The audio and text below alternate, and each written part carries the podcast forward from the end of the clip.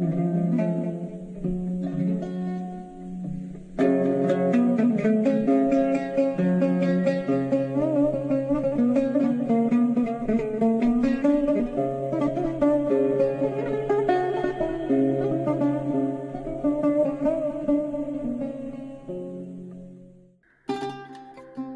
في وقت الاضطهاد.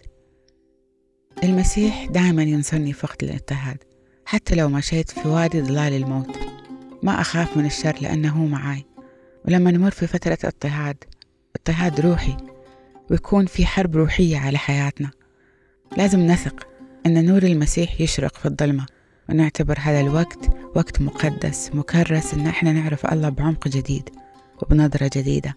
وراح نشوف في هذا الوقت أشياء واجد راح تتغير فينا شخصيا كبنات وأولاد للرب. راح نشوف قيود تنكسر راح نشوف إيد الرب القديرة على حياتنا. الرب يسوع راح يوسع آفاقنا ونظرتنا للمستقبل الجاي.